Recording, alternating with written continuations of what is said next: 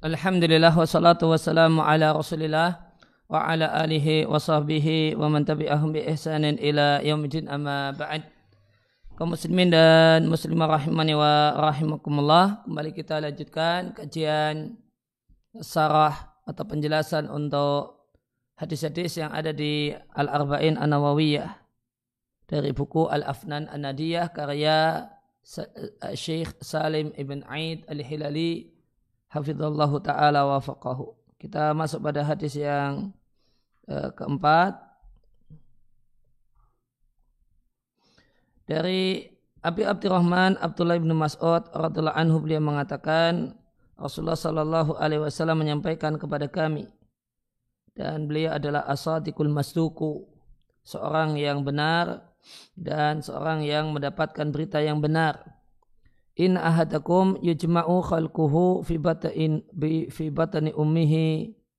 Sesungguhnya salah satu kalian dikumpulkan proses penciptaannya di perut ibunya selama 40 hari dalam bentuk nutfah.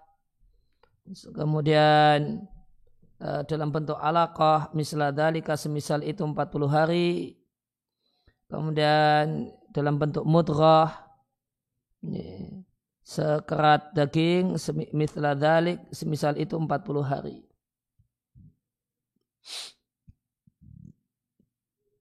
Sumayur salu al malaku kemudian diutuslah malaikat. Lantas malaikat itu meniupkan padanya arwah roh. Wa yu'maru bi arba'i kalimatin kemudian dia diperintahkan dengan empat kalimat bikat birizkihi mencatat rezekinya wa ajalihi dan ajalnya wa amalihi dan amalnya wa syakiyun au sa'idun. Kemudian apakah dia orang yang sengsara ataukah orang yang berbahagia? Fawalladzi la ilaha ghairuhu. Demi Allah zat yang tiada sesembahan selain dia in ahadakum Sungguh salah satu kalian layak malu bi amali ahli jannati beramal dengan amal penduduk surga hatta ma yakunu bainahu wa bainaha illa dira'un sehingga tidak ada antara dia dengan surga kecuali satu hasta. Fa yasbiqu alaihi kitabu namun catatan takdir mendahuluinya fayak malu bi amali ahli nari maka dia beramal dengan amal penduduk neraka fayadkhuluha lantas dia pun memasuki neraka Wa inna ahadakum dan sungguh salah satu kalian layak malu bi amali ahli nari sungguh beramal dengan amal penduduk neraka hatta ma yakunu bainahu wa bainaha illa dira'un sehingga tidak ada antara dia dengan neraka kecuali satu hasta. Fa yasbiqu alaihil kitabu dan catatan takdir mendahuluinya. Fa ya'malu bi amali ahli jannati lantas dia beramal dengan amal penduduk surga fayadkhuluha lantas dia masuk surga.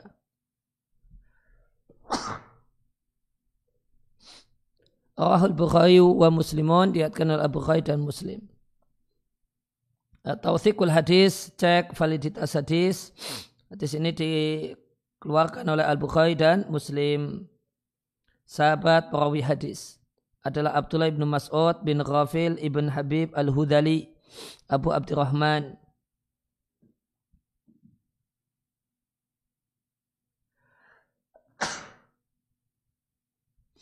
Ya, beliau adalah halif li Bani Zuhrah atau Zahrah.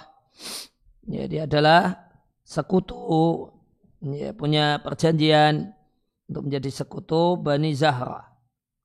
Beliau adalah salah satu dari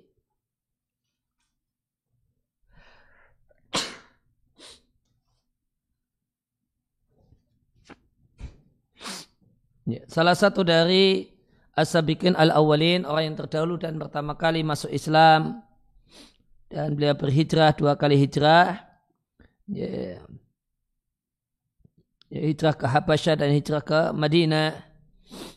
Salat menghadap ke dua kiblat, Baitul Maqdis dan Ka'bah. Eh, Wasyaidah menyaksikan dan mengikuti perang Badar wal masyahida kullaha dan semua peperangan la, zaman Nabi sallallahu alaihi wasallam selalu menyertai Nabi sallallahu alaihi wasallam dan beliaulah yang mengurusi dua sandal Nabi, siwak dan bantal ya, bantal Nabi untuk tidur. Wa minas sabiqin beliau termasuk orang-orang yang terdahulu masuk Islam dan beliau adalah salah satu tokoh besar di kalangan sahabat dan kubarok pembesar sahabat dan tergolong ulama di kalangan sahabat.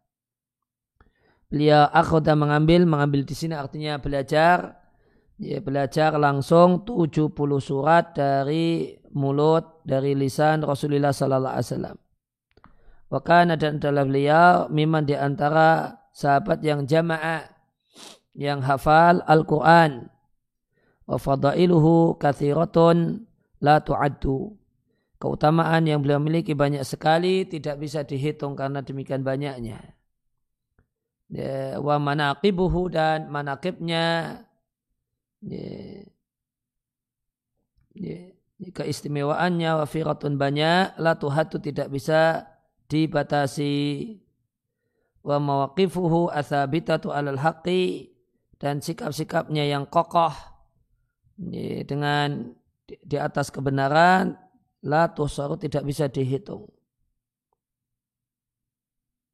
Wa akhbaruhu dan kisah-kisah tentang beliau itu tasuru menyenangkan membuat senang dan bahagia. Wafat di Madinah An-Nabawiyah pada tahun 32 Hijriah. Kemudian gharibul hadis yujma'u. Di sini maknanya yuqaddaru ditakdirkan wa yamkuthu dan berada khalquhu atau khalquhu penciptaannya yaitu maddatu khalqihi materi penciptaannya. Au ma yukhlaqu minhu bahan penciptaannya. Ya, perut yang dimaksud dengan perut adalah rahim. Maka 40 hari pertama bentuknya nutfah. Nutfah adalah al-hayawan al-almani. Ya, adalah air mani. Ya, ya, alladhi yakunu minhu takawunul insani yang darinya maka terciptalah manusia. Ya. wasumiyat nutfatan disebut nutfah. Ya. li'annah minal ma. Ya, karena dia adalah air yang yantifu ayyasilu mengalir. Ya, maka nutfah diambil dari kata-kata yantifu ya, yang artinya mengalir Yakunu artinya yasiru berubah menjadi alaqah. Alaqah adalah damun jamidun darah beku. Nah, alaqah darah beku disebut alaqah li'annah idzaka karena darah ini idzaka ketika itu ta'alaqa birrahimi menggantung di rahim.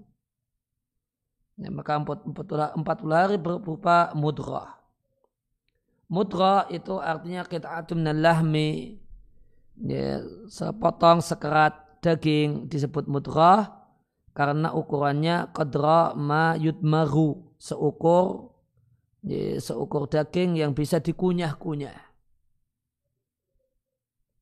Ajal artinya jangka waktu umurnya, amalnya, mayakunu minhu min amalin, apa yang akan dia lakukan berupa amal soleh atau kebalikannya.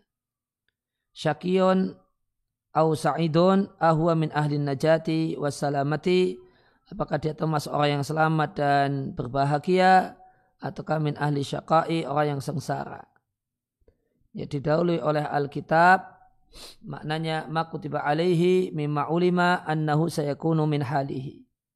Segala sesuatu yang dicatat untuknya mimma itu hal-hal yang ulima diketahui annahu sayakunu min hali demikianlah keadaannya catatan tentang keadaannya, takdir untuk keadaannya. Tema utama dari hadis ini adalah fase-fase penciptaan manusia di dalam rahim. Ya, penjelasan globalnya hadis ini fihi isinya bayan penjelasan tentang tetawur perkembangan khalqil insan penciptaan manusia di perut ibunya dan pencatatan ajal, rizki, dan kesudahan hidupnya. Dan yang ma, ma bidalika Dan yang menginformasikan hal ini adalah Rasulullah sallallahu alaihi wasallam. Beliau adalah asadik, seorang yang jujur, seorang yang benar perkataannya, sekaligus al-masduku, seorang yang ya, diberi berita yang jujur dan benar. Maka dia masduk fima uhya ilaihi dalam berita yang diwahyukan kepada kepadanya. Maka sodik artinya berkata yang jujur dan benar. Masduk artinya mendapatkan info dan berita yang benar. Ya, sebagaimana dijelaskan di Al-Mu'in ala tafahmi al-arba'in.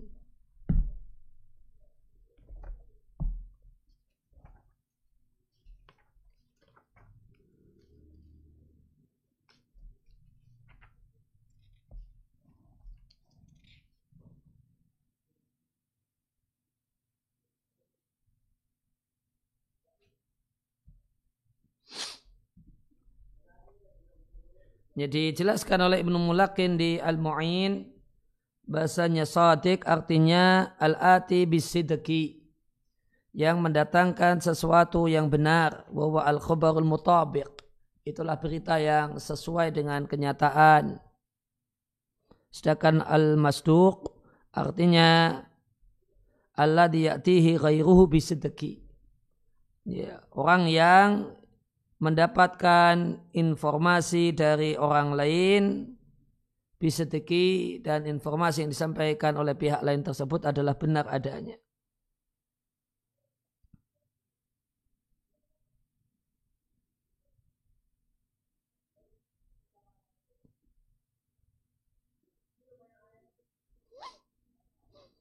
Bahwa maka Nabi itu sadikun fi kaulihi wa fi ma ya'tihi minal wahyi. Maka Nabi adalah seorang yang benar seorang yang benar uh, fi kauli perkataannya dan wahyu yang dia sampaikan.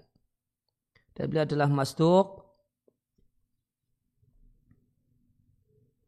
ya anallaha saddaqahu ma wa'adahu bihi.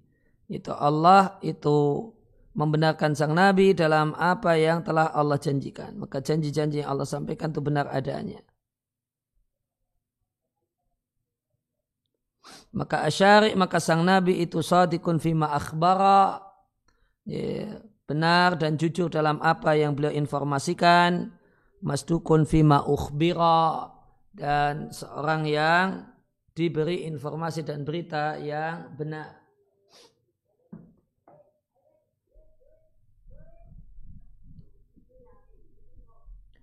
Waqat wasofa Abdullah bin Mas'udin maka Rasulullah uh, maka sahabat Nabi Abdullah bin Mas'ud radhiallahu anhu memberikan label pada Rasulullah sallallahu alaihi wasallam bidzalika hal itu.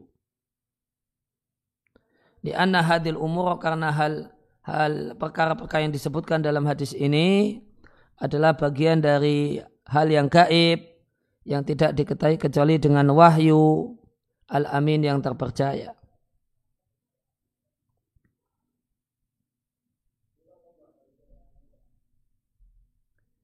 Ya, pelajaran yang bisa dipetik dari hadis ini ya, atau fikul hadis yang pertama beriman dengan qada wal qadar baik yang baik ataupun yang jelek. Seluruhnya kita yakini berasal dari Allah Azza wa Jalla. Ya, karena dalam hadis ini disampaikan tentang uh, takdir umri, takdir seumur hidup untuk masing-masing manusia ya, saat dia ada di perut ibunya. Ya, kemudian al-hasu alal mubadarah ya, dorongan atau motivasi untuk bersegera melakukan amal-amal saleh dan terus menerus melakukannya dan wal mudawama dan kontinu alaiha melakukannya.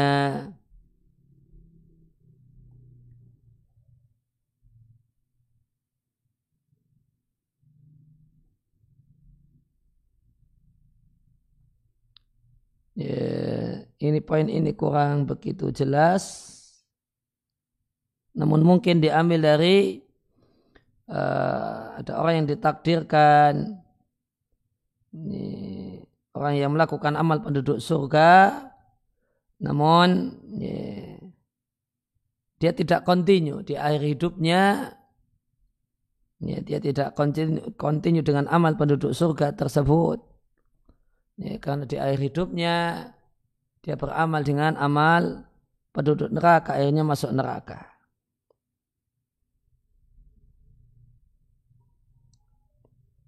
Namun dan namun, uh, namun yang jelas poin yang kedua ini satu hal yang yang benar.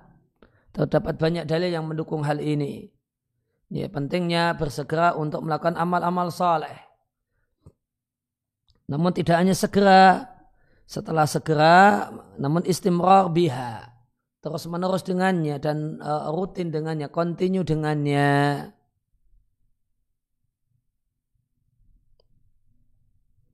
Ya, maka di antara dalil tentang pentingnya bersegera untuk melakukan amal kebajikan, fastabikul khairat. Di antara dalilnya adalah Wasari'u ila maghfiratin min rabbikum wa jannatin arduha samawati wal ard wa iddatil muttaqin. Bersegera kalian melakukan amal-amal yang menyebabkan kalian mendapatkan ampunan maghfirah dari Allah Subhanahu wa taala dan surga. Sedangkan dalil-dalil tentang pentingnya istimrar dengan terus menerus dengan amal soleh dan kontinu ya di antara dalilnya uh, ahabul a'mal ilallahi adwamuha Wa in qalla amal yang paling Allah cintai adalah amal yang kontinu meskipun sedikit. Kemudian poin yang ketiga anal ibrata bil khatimati bahasanya yang jadi parameter itu adalah uh, al khatimah akhir kehidupan. Sehingga ada orang yang melakukan amal kebajikan di awal hidupnya, namun di akhir hidupnya dia melakukan ya, amal kejelekan, maka kesimpulannya dia adalah orang yang sengsara, orang yang celaka. Oleh karena itu maka hendaknya seorang itu tidaklah terkecoh bi amalin qaddamahu dengan amal yang telah dia lakukan. Ya bentuk terkecohnya uh, dia terkecoh dengannya sumayakunu ilaihi kemudian condong kepadanya falayan syutuli ghairihi eh, lantas dia pun tidak semangat untuk melakukan amal yang lain. Karena takdir itulah yang menang. Wal afiatu dan keselamatan itu ghaibatun itu gaib. Ya. Maka di antara pelajaran penting dari hadis ini adalah jangan terkecoh dengan amal. Ya. Menepuk dada dengan amal. Ya, saya orang saleh. Saya sudah bertakwa. Ya, saya sudah jadi wanita salihah dan seterusnya. Ya, karena nilai seseorang adalah akhir kehidupannya. Dan apakah kemudian akhir kehidupannya adalah baik-baik saja? Satu hal yang gaib. Oleh karena itu Hadis ini mengajarkan kita untuk tidak terkecoh dengan amal dan keadaan kita saat ini. Demikian juga ya, tidak menghina orang yang keadaannya masih buruk saat ini. Bedakan antara dua hal. Menghina, mengejek seorang dengan maksiat yang dia lakukan. Ini berbeda dengan menasehati dan mendakwai. Kewajiban kita terhadap orang-orang di sekeliling kita yang kondisinya saat ini jauh dari iman dan takwa adalah ya, menasehatinya dan mendakwainya bukan mengejeknya, mencelanya, menghinanya. Karena boleh jadi di masa depan kita akan bertukar posisi dengannya. Tidak ada yang jamin. Kita yang sekarang melakukan kebajikan dan melakukan uh, kemudian di posisi orang itu di akhir kehidupan kita ya, dengan melakukan uh, keburukan dan amal penduduk neraka. Dan dan boleh jadi di akhir hidupnya ternyata orang itu ya, menggantikan posisi kita sibuk dengan amal-amal kebajikan dan menutup hidupnya dengan hal itu.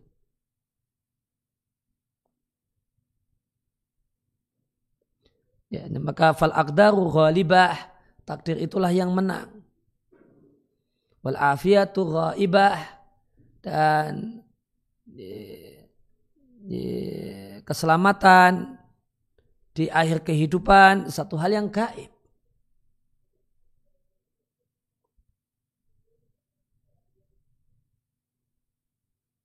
Kemudian poin yang keenam, anaman koma bi amalin solihin orang yang melakukan amal soleh sepatutnya an yuhafidha ala naqaihi. Hendaklah dia jaga ya, kebersihannya. Ya, ya, supaya tetap jadi amal yang bersih dan tidak dia hapus. Ya, maka tetap menjadi bersih ya, dengan niat yang baik dan tidaklah terhapus nilainya karena niat-niat yang buruk. Karena amal kebajikan di awal kehidupan kemudian berubah menjadi amal keburukan di akhir kehidupan itu sebabnya karena niat yang tidak bersih. Non siapa yang betul-betul makan amal kebajikan dengan niat yang bersih maka Allah akan jaga dirinya. Ihfadillaha yahfadka Jagalah aturan-aturan Allah dengan penuh keikhlasan, Allah akan menjagamu. Di antaranya adalah menjaga imanmu di air kehidupan. Sehingga kenapa ada orang yang berubah? Dulu santri, dulu baik, kemudian berubah di air kehidupannya menjadi orang bejat dan mati dalam keadaan demikian. Ya, maka di antara faktor utamanya adalah karena tidak bersihnya amal dari tendensi-tendensi yang yang buruk. Kemudian yang kelima, minta tolong kepada Allah Ta'ala dan memohon kepadanya akhir yang baik. Wal khauf dan rasa takut min su'il khatimati akhir kehidupan yang jelek dan minta perlindungan kepada Allah ya, untuk terhindar darinya. Maka ketika Nabi menceritakan kepada kita ada orang yang air kehidupannya baik, air kehidupannya indah, maka cerita Nabi tersebut tidak hanya faedahnya, manfaatnya sekedar cerita. Non faedahnya adalah kita respon dengan minta kepada Allah agar bisa seperti itu. Memohon kepada Allah agar diberi kesudahan yang baik. Dan ketika Nabi menceritakan ada orang yang akhir kehidupannya itu hina. Karena diawali kehidupannya dengan ya, dengan amal saleh namun dia tutup dengan ya, amal taleh atau keburukan. Maka ini satu hal yang uh, cerita Nabi ini jangan kemudian berhenti sekedar cerita. Namun eh, hendaknya ini berbuah rasa takut dalam diri kita, dalam hati kita takut kalau mengalami su'ul khotimah. Ini kemudian kita minta perlindungan kepada Allah agar selamat darinya. Kemudian pelajaran yang keenam bolehnya ya, bersumpah untuk satu berita yang benar dalam rangka menegaskan ya, menegaskan dalam jiwa yang mendengarkan berita dan informasi ini. Oleh karena itu, Rasulullah Sallallahu Alaihi Wasallam bersabda padahal tanpa sumpah pun kita yakini berita Nabi berita yang benar. Meskipun demikian, ya, beliau dalam karena pentingnya hal ini beliau buka dengan sumpah. Fawalladhi nafsi biadihi.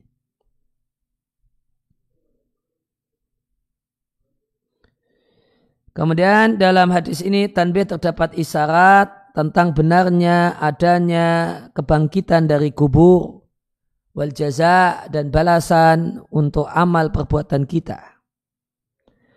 Ya, maka zat yang mampu untuk menciptakan manusia mimma immahin dari air yang hina yaitu air mani. Tentu sangat kuasa untuk mengembalikan roh ke dalam badan setelah badan itu berupa turoban ya, berupa ya, debu, uh, berupa dalam bentuk de, uh, ya, tanah Maka dalam hadis ini diceritakan bahasanya penciptaan manusia diawali dari air mani. Diawali dari nutfah. Air mani yang mengalir. Maka ketika Allah air mani yang yang yang hina ya yang kecil darinya kemudian bisa jadi sosok manusia yang besar setelah dia dewasa Ya, maka Allah zat yang kuasa untuk menciptakannya tentu satu hal yang ringan dan enteng bagi Allah untuk mengembalikannya dan membangkitkannya dari kubur. Kemudian poin yang kedelapan, isi hadis ini dorongan kuat untuk kona'ah dan larangan keras yang ditekankan sangat ditekankan dari sifat rakus Ya, maka di sini ada pelajaran tentang kona'ah dan jangan rakus. Ini, diambil dari mana? Ya, diambil dari isi hadis ini bahasanya rizki itu sudah ditakdirkan. Ya, bikat bi rizkihi. Nah, ada bikat bi rizkihi. Telah dicatat, telah ditulis rizkinya. Ya kalau rezeki itu sudah ditakdirkan, ya, maka ya, rezeki itu tidak akan bertambah karena rakusnya orang yang rakus. Jika demikian, kenapa harus rakus? Karena dia tidak akan bertambah dengan ya, rakusnya orang yang rakus. Ya. Demikian juga uh, rezeki itu tidak akan berkurang dengan konaahnya orang yang konaah. Tidak akan berkurang. Ya, jika demikian, maka selayaknya kita kona'ah. Jadi kenapa kona'ah dan jangan rakus liana rizqa sabaqa takdiruhu. Karena rizki itu telah lewat ya, takdirnya, telah dahulu takdirnya. Falam yurni ata'ani fitolabihi. Maka bersusah payah. Bahasa Jawanya ngoyo. Itu la turni tidaklah manfaat. Fitolabi untuk mencarinya. Maka rakusnya orang yang rakus. Bersusah payahnya orang yang bersusah payah. Kata orang Jawa ngoyo nih wong sing ngoyo dalam rangka dan cari rezeki maka kepala jadi kaki, kaki jadi kepala. Ya, berangkat sebelum matahari terbit dan uh, pulang setelah matahari tenggelam. Kemudian setiap saat mikirkan cari duit sampai ketika sholat pun duit yang dipikir itu tidak akan tidak akan menyebabkan bertambahnya rezeki yang telah ditakdirkan. Wa inna masyurya al-iktisabu namun disyariatkan dituntunkan untuk bekerja. Karena bekerja itu adalah bagian dari sebab, dari usaha yang telah menjadi tuntutan hikmah ilahiyah di kampung dunia. Ya, telah menjadi hikmah Allah, ya tidak ada ya, ya, ya tidak ada rizki tanpa bekerja.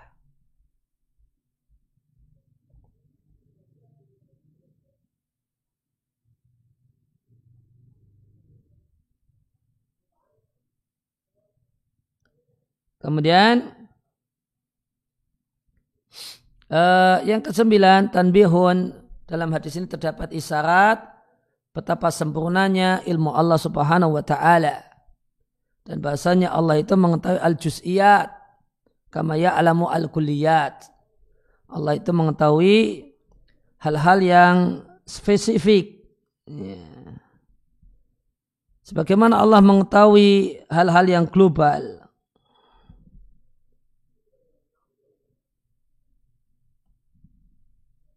Dan Allah mengetahui makana apa yang telah terjadi wa ma sayakunu dan apa yang akan terjadi litasrih al khubari karena uh, berita dalam hadis ini menegaskan bahasanya Allah memerintahkan untuk mencatat keadaan hamba mufasolatan secara ya, detail. Ya, maka di sini disampaikan bikat bi amalihi. Bikat bi rizkihi wa ajali wa amalihi. Amal apa saja akan dilakukan. Ini juz'iyat. Ini, ini berarti pengetahuan tentang juz'iyat. Maka dia nanti akan beramal ini, ini, ini, ini. Semuanya telah dicatat. Ini perbuatan yang dia lakukan, sholat sekian kali, puasa sekian kali, dia akan baca Quran, ayat Al-Quran yang dibaca apa, dan seterusnya. Semuanya Allah catat. Berarti Allah, uh, maka ilmu Allah itu meliputi juz'iyat, hal-hal yang spesifik. Hal-hal yang detail. Sebagaimana ya, hal-hal yang global kuliat. Kemudian kandungan yang ke-10 Fihi isi hadis ini bahasanya rahim memiliki malaikat muwakkalan biha yang ditugasi untuk mengurusi rahim. Dalilnya sabda Nabi Shallallahu Alaihi Wasallam maka Allah utus padanya malaikat itu malaikat yang bertugas untuk mengurusi rahim.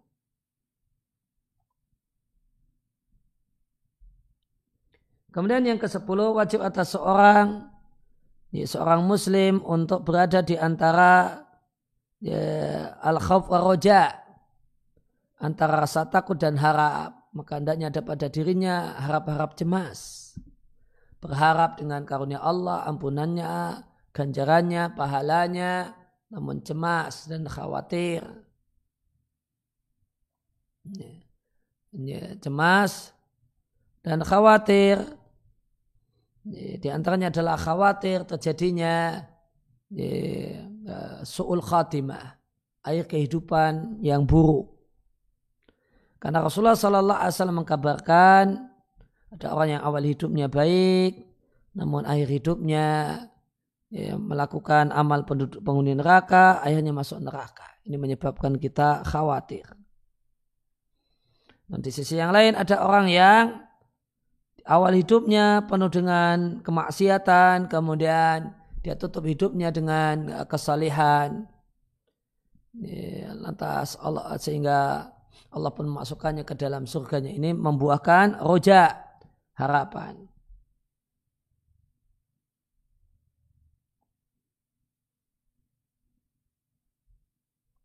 Ya. Ya. Faidah ya, maka poin ini membahas tentang hubungan antara hadis ini dengan hadis yang lain yang nanti juga merupakan salah satu hadis di Arba'in Nawawiyah. Ya, yang nampaknya bertentangan yaitu hadis Ibnu Abbas yang tadi sudah dikutip sekilas ya ihfadillah yahfadka. Jagalah aturan-aturan Allah hendaklah engkau ya, menyibukkan diri dengan kesalehan dengan amal-amal kebajikan maka Allah akan menjagamu. Di antaranya adalah menjaga imanmu sehingga tidaklah menutup kehidupan dengan akhir yang jelek dan buruk. Nah, bagaimanakah hubungan antara hadis ini dengan hadis ini? Adanya orang yang uh, awal kehidupannya amal kebajikan, kemudian ternyata tidak Allah jaga sehingga di akhir kehidupannya dia kehilangan iman dan meninggal dunia dalam keadaan demikian. Maka fa'in kil, maka jika ada yang bertanya, apa hikmah dibalik Allah membiarkan ada orang yang beramal dengan amal penduduk surga. Sehingga tidak ada antara dia dengan surga kecuali satu hasta. Namun catatan itu mendahuluinya. Sehingga dia beramal dengan amal penduduk neraka lantas memasuki neraka. Ya, kenapa tidak Allah tolong? Kenapa Allah biarkan? Yakhdul. Yakhdul itu tidak ditolong. Dan siapa yang tidak ditolong oleh Allah, ya tentu dia akan uh, celaka. Maka jawabannya, ya, bahasanya orang yang melakukan in anna hadhil hadal amila amila hadal amala fima yabdulin nasi. Bahasanya pelaku amal ini, dia melakukan amal ini, amal-amal kebajikan ini, fima dalam apa yang nampak di mata manusia. Namun, bukan, namun itu bukan realitas sesungguhnya. Wa amma hakikatu nafsihi, sedangkan hakikat dirinya, fa innaha khabithatun, maka hakikat dirinya adalah busuk. Wa niyatuhu fasidatun, dan niatnya adalah niat yang rusak.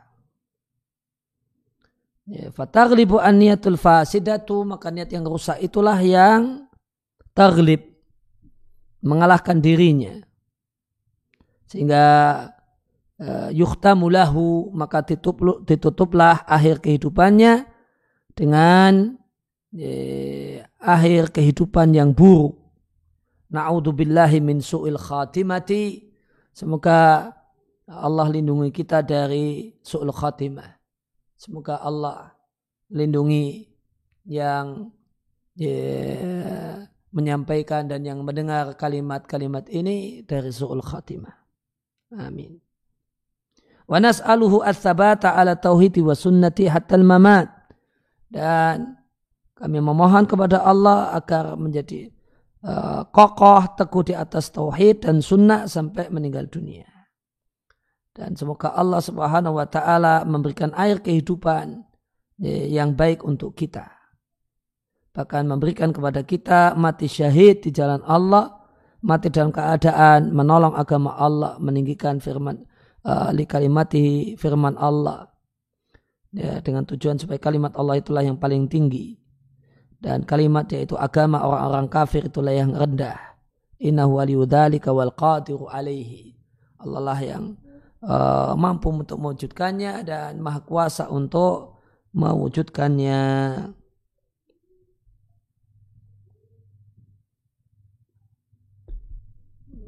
Kemudian ya, fawaid atau tambahan dari ya, al-mu'in ala tafahumil uh, al-arba'in.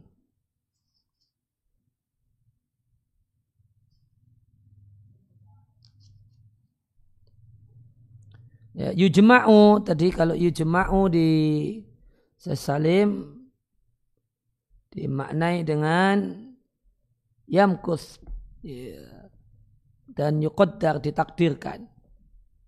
Kalau Ibnu Mulakin maknanya sebagaimana maknanya secara bahasa, yujma itu maknanya yudomu, digabungkan. Dan dijaga materi penciptaan yaitu air mani.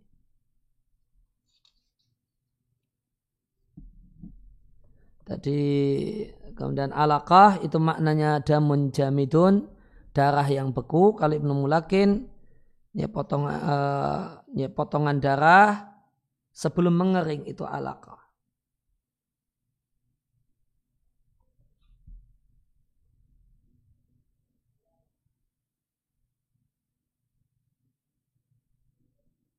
Kemudian tentang rizki, apa definisi rizki?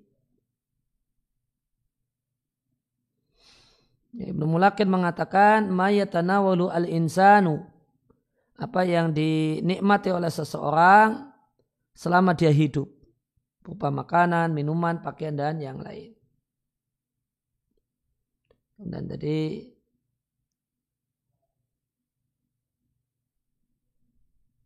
Nah, syakiyun au sa'idun itu i'rabnya bagaimana? Ibnu Mulakin menjelaskan marfu'an. Ini i'rabnya marfu' khobaru mubtada'in mahdufin. Karena dia menjadi khobar untuk mubtada yang dibuang. Maknanya huwa syakiyun au au sa'idun.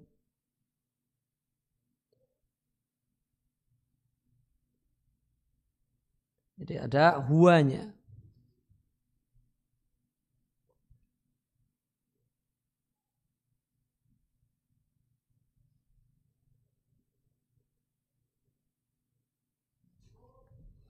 Ya, kemudian uh, nutfah itu selama 40 hari. Ya, tadi Nabi sampaikan di hadis ini nutfah itu 40 hari. Maka tentang hal ini Ibnu Mulakin mengutip qala ba'dul ulama sebagian ulama mengatakan dan menjelaskan oleh karena itu e, masa idah wanita yang ditinggal mati oleh suaminya 4 bulan 10 hari.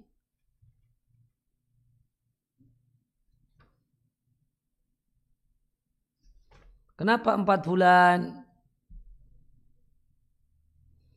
Li'anal arba'ata li'tibaril khilqati empat bulan itu menimbang proses penciptaan. Ini proses penciptaan. Ini. Ya, di mana proses penciptaan 40, 40, 40. 40 kali 3, 120 hari. Ya, dan itu sama dengan 4 bulan. Kemudian sepuluhnya dari mana? wa asyra ihtiyatan sedangkan sepuluhnya itu adalah dalam rangka kehati-hatian sedangkan jika bukan karena ditinggal mati oleh suami masa idahnya tiga kali haid karena wanita ini karena karena suaminya tidak mati atau mantan suaminya tidak mati ya, karena suaminya tidak mati cuma menceraikannya maka dia ada ada yang mengawasi Itu suaminya yang menceraikannya.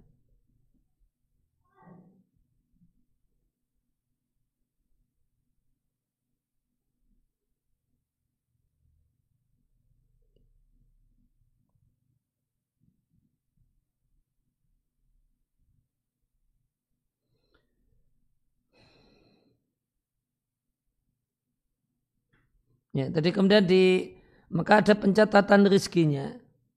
Maka rizki, ya pencatatan rizki di sini mencakup sedikit ataukah banyak, halal ataukah haram, kemudian dari sumber apa, apakah dari kegiatan mengajar, apakah berternak, e, bercocok tanam, atau yang lainnya. Sedangkan kemudian ajalnya, apakah panjang, ataukah berumur panjang, ataukah tidak, amalnya itu amal soleh, ataukah amal toleh, Ya, kemudian sakiyun tentang keadaannya di akhirat nanti apakah menjadi orang yang sakiyun, orang yang sengsara di akhirat atau orang yang bahagia.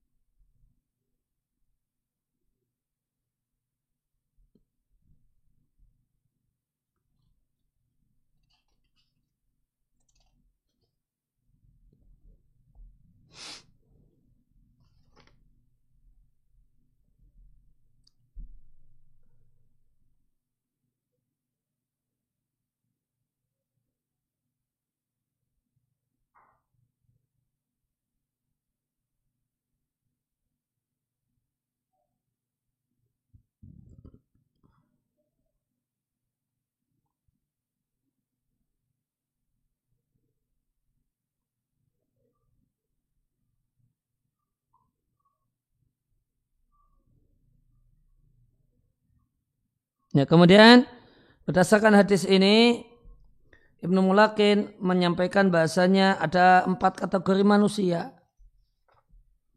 Ada empat, empat kategori manusia. Wa kulubul khalqi yasrifuha kaifa yasha'u.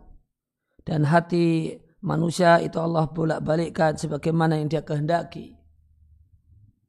Maka ada empat jenis manusia. Yang pertama, al-muwafaq orang yang beruntung mendapatkan taufik. Itu man bada'a amalu bisa'adati wa khutima biha. Itulah orang yang memulai kehidupannya dengan kebahagiaan dan amal soleh dan dia pun menutup kehidupannya dengan demikian. Yang kedua adalah al-makhdulu. Orang-orang yang tidak dapat mendapatkan pertolongan Allah. Itu adalah orang yang sebaliknya.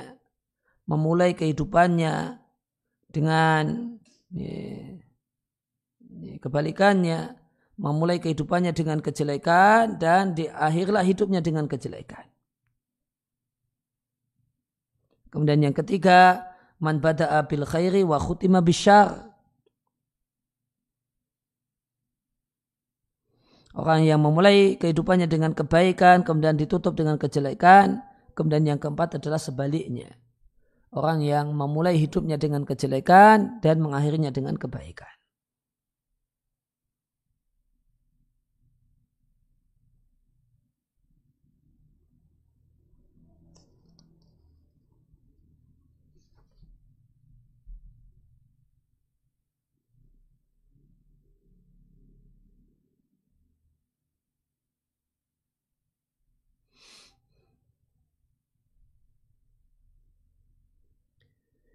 Kemudian Ibnu Mulakin mengatakan wafil hadis dalam hadis ini terdapat isyarat untuk melakukan sebab-sebab kebahagiaan dan kesengsaraan. Yaitu amal soleh. Sebab-sebab kebahagiaan, maksiat, sebab kesengsaraan. Dan dengannya, dengan sebab-sebab inilah, maka diketahuilah karakter orang ini. Apakah karakternya adalah karakter kebaikan ataukah kejelekan. Nah, kemudian setelah orang itu melakukan amal kebaikan ataukah kejelekan, nah, setelah orang melakukan amal kebaikan dan kejelekan, tidak sepatutnya dia ujub dengan apa yang dia lakukan karena khawatir ternyata amalnya itu tidak ada nilainya.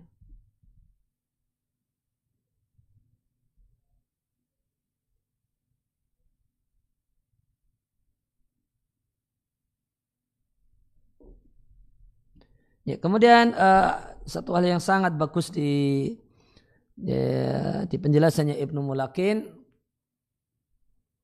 maka beliau sampaikan di antara kasih sayang Allah. Anak ingkila anak ban nasi minal khairi ila syari nadirun. Berubahnya manusia dari orang baik menjadi orang bejat itu langka terjadi. Orang itu berubah jadi orang baik kemudian jadi orang bejat. Ya tentu tolak ukurnya setelah dia dewasa.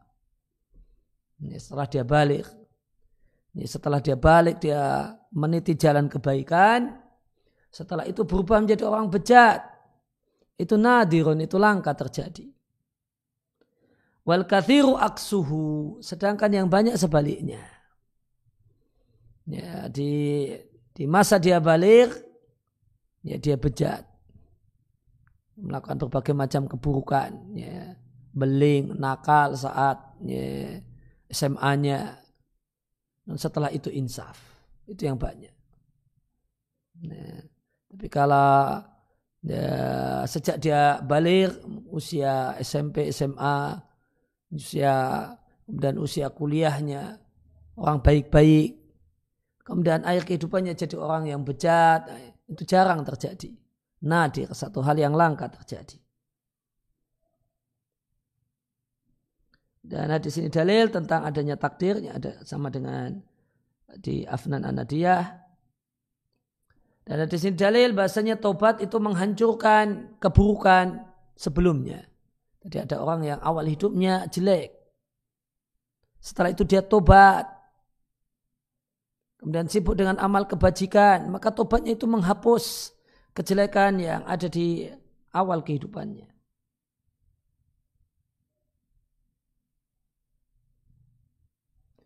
Kemudian hadis ini dalil bahasanya siapa yang mati dalam keadaan sesuatu maka dia dinilai dengan hal itu. Apa yang matinya dalam kejelekan ya, ya maka hukuman untuknya adalah daripada dari kejelekan itu yaitu neraka. Ya, namun siapa yang uh, dia menutup kehidupannya dengan amal kebajikan maka hukumnya adalah hukum itu.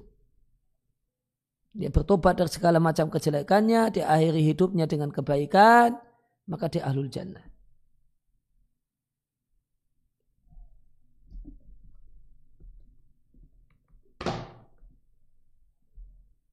Kemudian kita lanjutkan dengan hadis yang selanjutnya, hadis yang kelima.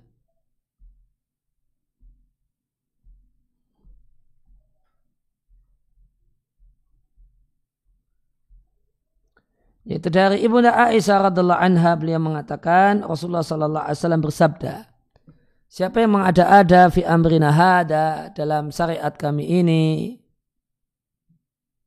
dalam agama kami ini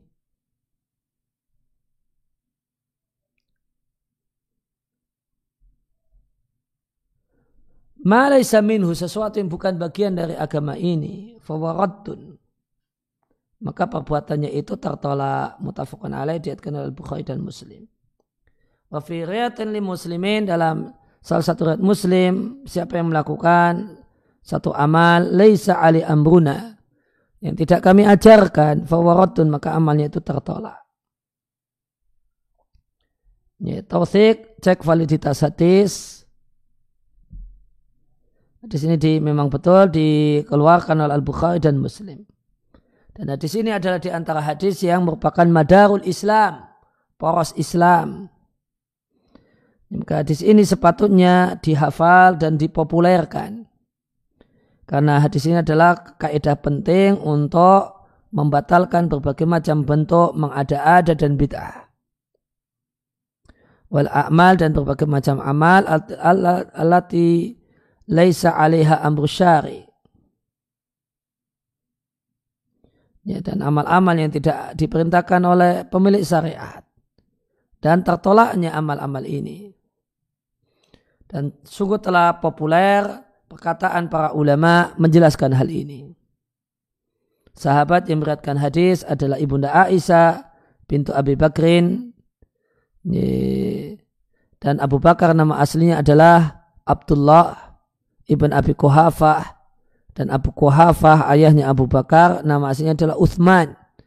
Maka Abu Bakar itu Abdullah bin Uthman bin Amir ibn Umrah ibn Ka'ab ibn Sa'ad ibn Taim ibn Murrah ibn Ka'ab. Maka Ibunda Aisyah adalah wanita yang sangat jujur anak dari seorang lelaki yang sangat jujur. Seorang wanita kekasih Nabi anak perempuan dari laki-laki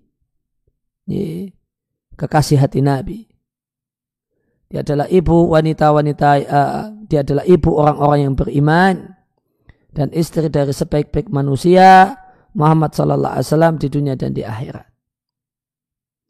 Kunyanya Ummu Abdullah, yeah. maka kunyatuhu, maka kunyahnya, kunyahnya dengan anak laki-laki saudara perempuannya yaitu Asma. Dan beliau berkunyah dengan anaknya Asma yaitu Abdullah bin Az-Zubair radhiallahu anhuma ala sahih menurut pendapat yang benar. Waya dan ibunda Aisyah ini adalah min a'lami fuqaha sahabati. Ini termasuk ulama di kalangan para sahabat yang paling berilmu. Wa afqahu nisa'il ummati dan wanita umat ini yang paling mendalam ilmunya. Beliau sibuk dengan fatwa dan ilmu di masa khilafah Abu Bakar, Umar dan Uthman radhiallahu anhum sampai beliau wafat. Beliau wafat di Madinah An-Nabawiyah dan dimakamkan di Baqi' radhiallahu anha. Ya, hadis fi, uh, fi amrina ay fi dinina dalam agama kami ini. Raddun artinya mardudun tertolak. La yultafatu ilaihi tidak ditoleh. La yu'malu bihi tidak boleh diamalkan. Ya, topik utama hadis ini membatalkan berbagai macam hal yang diada-adakan dan bid'ah dan tertolaknya bid'ah. Penjelasan global. Hadal hadithu, hadis ini aslun azimun min usuluddin adalah kaidah penting dari berbagai macam kaidah agama. Fahuwa maka hadis ini adalah mizanun zahirun zahirul a'mali. Adalah timbang uh, mizanu zahirul a'mali. Adalah timbangan untuk amal lahiriah. Sebagaimana pasangannya itu hadis al-a'malu bin niat adalah timbangan untuk menilai libatinil a'mali, sisi batin, sisi niat dari amal. Kalau hadis ini untuk menimbang sisi lahiriah amal, nah hadis ini amal a'mul biniat untuk menimbang sisi batin dari amal. Karena amal itu terdiri dari dua unsur. Yang pertama niat, yang itu letaknya di hati. Kemudian surah, kemudian rupa yang terlihat sisi fisik yang terlihat. Fasura maka surah ada zahirul amali. Sisi luar sisi yang nampak dari amal. Sedangkan niat adalah batinnya. Fakama maka sebagaimana anakula amalin semua amal yang tidaklah dimaksudkan dengannya wajah Allah maka tidak ada bagi pelakunya pahala. Maka demikian juga semua amal yang layakun muafiqan di sunnati tidak mencocoki sunnah maka dia tertolak dikembalikan kepada pelakunya wa kuluman ahdasa fid dini maka semua orang yang mengada-ada dalam agama sesuatu yang tidak diizinkan oleh Allah dan Rasulnya, maka itu bukanlah bagian dari agama fi sedikit pun.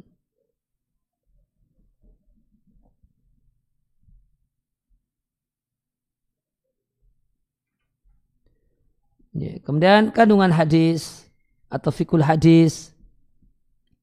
Yang pertama, al-muhdasatu minal umur, perkara-perkara yang diada-adakan dalam agama itu tertolak. Ya, dikembalikan kepada orangnya tidak ada nilainya di sisi Allah. Maka Allah tidaklah menegakkan limuhdisiha bagi orang yang mengada-adakannya pada kiamat nanti. Allah tidak akan tegakkan wasnan timbangan ini artinya ya tidak ada nilainya sama sekali kemudian ini diambil dari kata-kata rotun ya kemudian Hadis ini menjelaskan bahasanya muhdasat itu bid'ah, itu adalah bid'ah. Maka apa itu bid'ah? Bid'ah itu sesuatu yang ahdasa. Man ahdasa fi amrina. Semua yang diada-adakan, baru diada-adakan setelah wafatnya Nabi. Dan itu fi amrina dalam syariat Nabi diada-adakan dan dianggap sebagai Islam. Padahal bukan bagian dari Islam.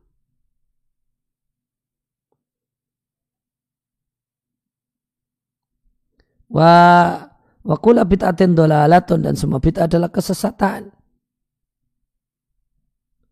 Fawa aslun fi ibtali taksimil bid'ai maka kata maka hadis ini adalah dalil tidak benarnya klasifikasi bid'ah menjadi bid'ah yang sayyah dan hasanah, bid'ah yang baik dan bid'ah yang jelek.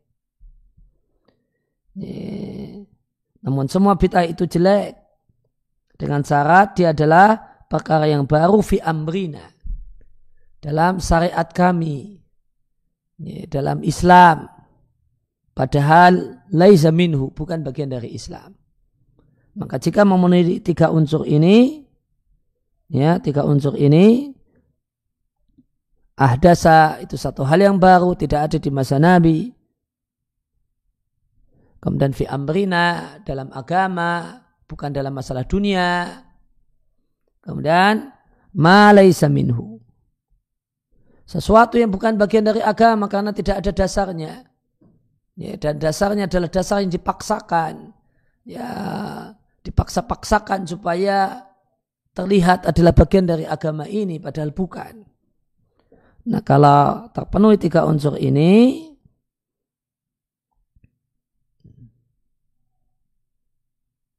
maka seluruhnya adalah ya, keburukan, tidak ada yang baik.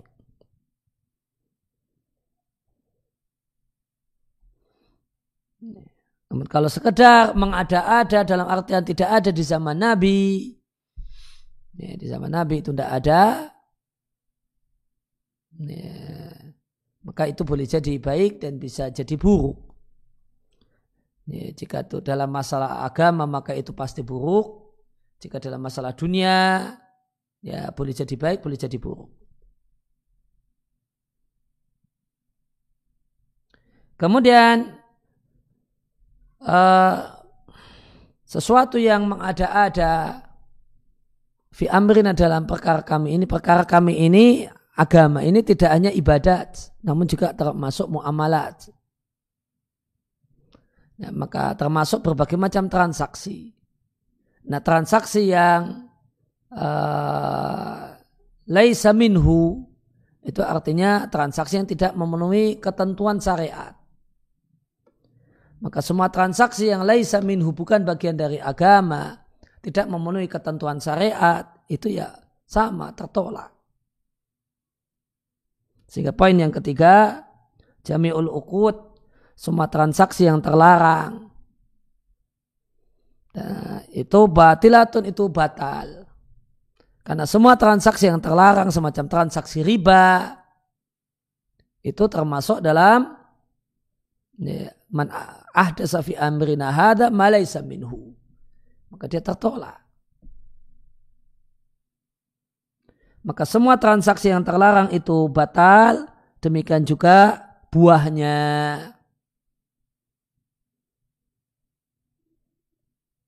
Artinya konsekuensi hukumnya itu tidak ada. Konsekuensi hukumnya batal. Maka ketika transaksi jual beli ini atau kemudian transaksi ini transaksi riba utang piutang riba. Maka transaksinya batal dan buahnya itu berpindahnya ke pemilikan tambahan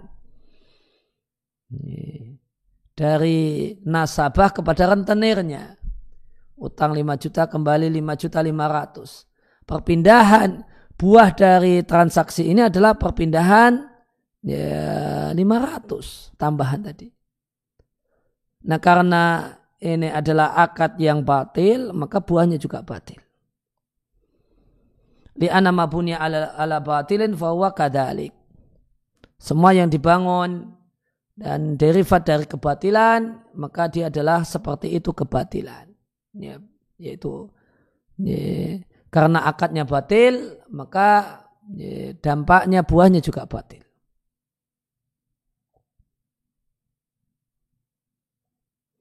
Nah demikian juga termasuk dalam akad di sini adalah akad perdamaian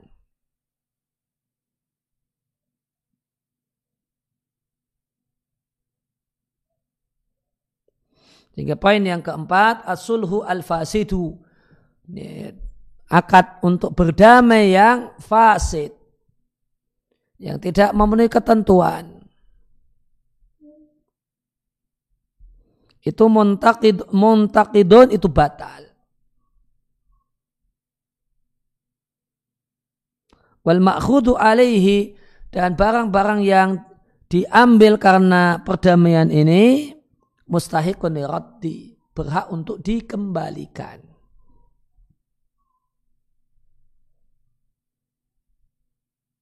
Maka ketika ada dua pihak berseteru, berdamai, ya, namun tidak sesuai dengan ketentuan syariat, maka apa yang pertukaran yang terjadi wajib dikembalikan. Sebagaimana di zaman Nabi, ya, ada ya, seorang ayah yang punya anak laki-laki kerja sama pihak sese, sama seseorang. Kemudian dia hamil dengan istri majikannya. Berzina dengan istri majikannya. Akhirnya ayah si laki-laki ini dengan si suami ini kemudian berdamai. Sudah damai, kemudian ada sejumlah barang yang uh, sejumlah harta yang diberikan oleh pihak ya, lelakinya ya pihak si ya diberikan kepada suami sebagai dalam sebagai dalam rangka damai. Maka damai semacam ini damai yang tidak benar. Yang benar adalah uh, pelaku zina ini dihukum. Ya, karena pelaku zina laki-lakinya itu bujang maka dia berhak untuk dicambuk seratus kali. Hukumannya cambuk seratus kali. Sedangkan pasangan zinanya yaitu eh, pihak perempuan itu statusnya adalah seorang istri, punya suami, ketika, maka dia berhak untuk mendapatkan raja, maka hukuman untuknya raja. Ya, maka damai yang telah terjadi ya, yang berkonsekuensi adanya harta yang diberikan dari pihak laki-laki kepada pihak suami wajib dikembalikan, berhak untuk dikembalikan. Karena itu tertolak. Ini damai yang tertolak. Perdamaian yang tertolak karena perdamaian yang fasid yang tidak benar.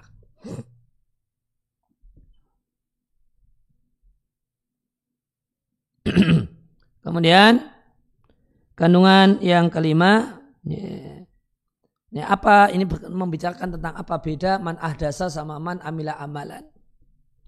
Za'ama kaumun sekelompok orang punya anggapan bahasa bid'ah yang tertolak adalah yang bertentangan dengan kaidah-kaidah agama yang menyelisihi dalil-dalil umum dan kaidah-kaidah general. Sedangkan perkara yang diadakan dalam agama yang didukung oleh aslun am dalil umum atau tercakup di bawah salah satu hukum agama tidak demikian. Wa ala hadal wahmi anggapan ini disanggah ya, dengan yuqda di yuqda ala itu dihancurkan. Anggapan ini dihancurkan dengan hadis yang dikeluarkan oleh Abu Ya'la dalam musnadnya, Abu Awana dalam mustakhodnya dengan sanad yang ya, yang yang sahih. Man ada siapa yang mengada-ada dalam syariat kami, malaisa fihi. Fawaraddun. Sehingga jadilah kesimpulannya hadis ini memiliki tiga riwayat yang semuanya sahih. Yang pertama adalah pakai bahasa uh, laisa minhu. Ini, bukan bagian dari agama. Kemudian yang kedua laisa alaihi. Ya, itu laisa ali dalilun. Tidak ada dalil atasnya. Kemudian yang ketiga, laisa fihi. Ya, tidak ada ya, amal tersebut tidak tidak ada di dalamnya. Nah, apa beda antara ini laisa minhu laisa fihi laisa alaihi sama laisa fihi. Laisa minhu itu a'amu yang paling luas.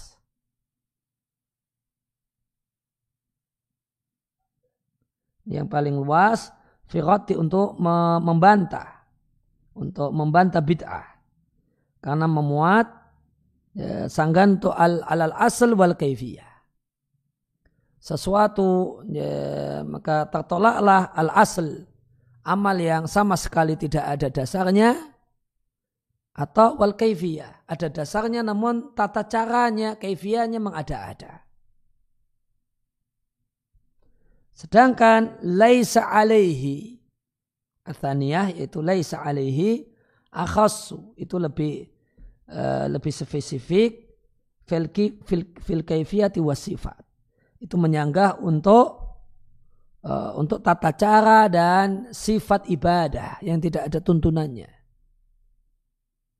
Laisa alaihi amruna. Ya, berarti tata caranya tidak kami ajarkan. Kalau tadi laisa minhu, itunya bukan bagian dari Islam. Boleh jadi asalnya, yaitu eh, amalnya, ya, dasar amalnya atau eh, tata caranya saja. Karena dasar amalnya benar, cuma tata caranya tidak benar. Semuanya bisa kita sanggah dengan laisa minhu, bukan bagian dari Islam. Kalau laisa alaihi, Ali ini berkenaan dengan sifat dan tata cara. Ya, maka sesuatu yang tidak ada uh, tata caranya, tidak ada tidak ada dasarnya, ya, atau sifat hal-hal yang ya, ya, berkaitan dengan hal ini berkenaan dengan satu amal itu tidak ada dasarnya, itu dibantah dengan hadis ini. Laisa ali amruna. Kemudian yang ketiga laisa fihi.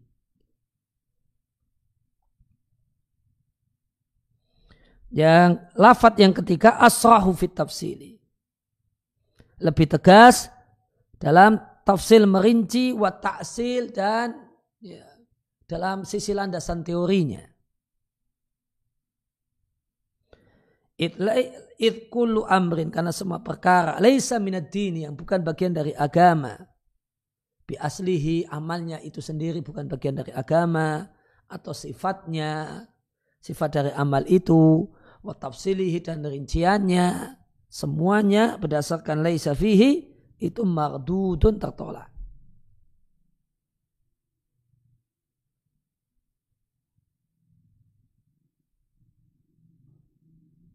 Nahika dan cukup bagi anda ana fahmas salaf. Pemahaman salaf untuk hadis ini menunjukkan diingkarinya perkara yang diada-adakan.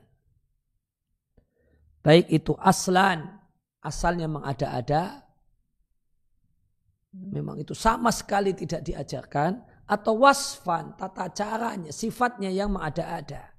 Amalnya itu sendiri dibenarkan, namun uh, tata cara pelaksananya tidak dibenarkan atau tarkan. Wallahu mu'id dan Allah yang mu'id Allah yang memberi janji. Maka di sini diisyaratkan ada tiga jenis uh, bid'ah. Ya, kalau bid'ah di aslan itu namanya bid'ah hakikiyah. Kalau di wasfan itu namanya bid'ah idofiyah. Kemudian tarkan itu namanya bid'ah tarkiyah.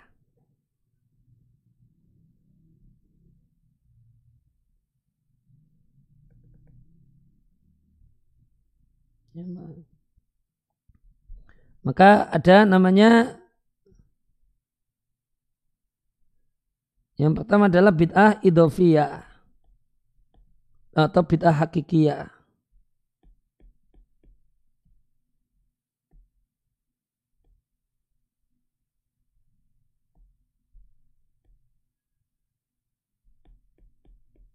Bid'ah yang hakiki dari semua sisi adalah bid'ah. Sama sekali tidak ada. Ya, ajaran Nabi seperti itu. Hmm. Ya, sama sekali tidak Nabi ajarkan. Misalnya orang uh, beramal ibadah dengan diam. Gitu. Ya, beribadah kepada Allah dengan diam tidak mau bicara. Sama sekali tidak ada tuntunan uh, ibadah dalam bentuk tidak berbicara. Tak ada orang yang beribadah kepada Allah dengan bertapa di gua-gua dan misalnya. Sama sekali tidak ada tuntunannya. Maka ini namanya bid'ah dari sisi asal. Ya, disebut dengan bid'ah hakikiyah. Kemudian ada bid'ah dari sisi wasaf. Sebenarnya amal itu ada tuntunannya. Ya, dituntunkan namun ternyata praktek untuk prakteknya dan tata caranya tidak ada tuntunannya. Itu namanya bid'ah idofia.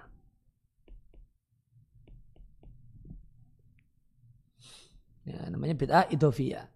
Idofia itu dari satu sudut pandang. Ya, makanya ada dua sudut. Di, dari satu sudut pandang ini tidak ada tuntunannya, yaitu sudut pandang tata cara. Tapi kalau dari sudut pandang amalnya, itu ada tuntunannya. Hmm, misalnya dikir. Ada dikir yang dituntunkan. Nah, misalnya la ilaha illallah. Dilihat dari dikir la ilaha illallah maka ini dituntunkan. Tapi dikir la ilaha ini dibaca dengan cara loncat-loncat. Dengan tata cara tertentu teriak-teriak, loncat, sambil loncat-loncat, atau sambil menari. Hmm. Nah ini tidak ada tuntunannya. Maka kalau lihat dilihat dari tata caranya, maka dia bid'ah. Nah, ini disebut idofiyah. Ini bid'ah, idofiyah dari satu sudut pandang.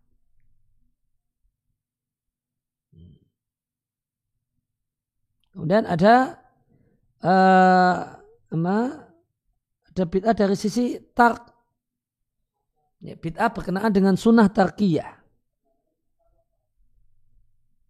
Ya, berkenaan dengan uh, terkait dengan sunnah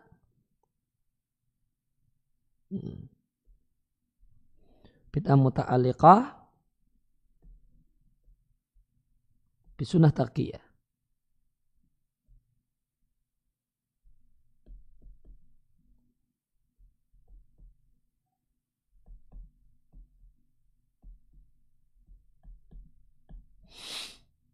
Di antara sunnah tarkiyah Sunnah Nabi adalah meninggalkan satu hal. Sunnah Nabi adalah meninggalkan adan dan ikomah untuk sholat hari raya. Itu sunnah Nabi. Sunnah Nabi itu tidak pakai adan dan ikomah ketika sholat hari raya. Ini sunnah takiyahnya adalah meninggalkan. Sunnah nabinya adalah meninggalkan dan tidak memakai adzan dan iqamah untuk sholat hari raya. Nah, kemudian dibuatlah adzan dan iqamah untuk sholat hari raya. Ini bid'ah berkaitan dengan sunnah takiyah.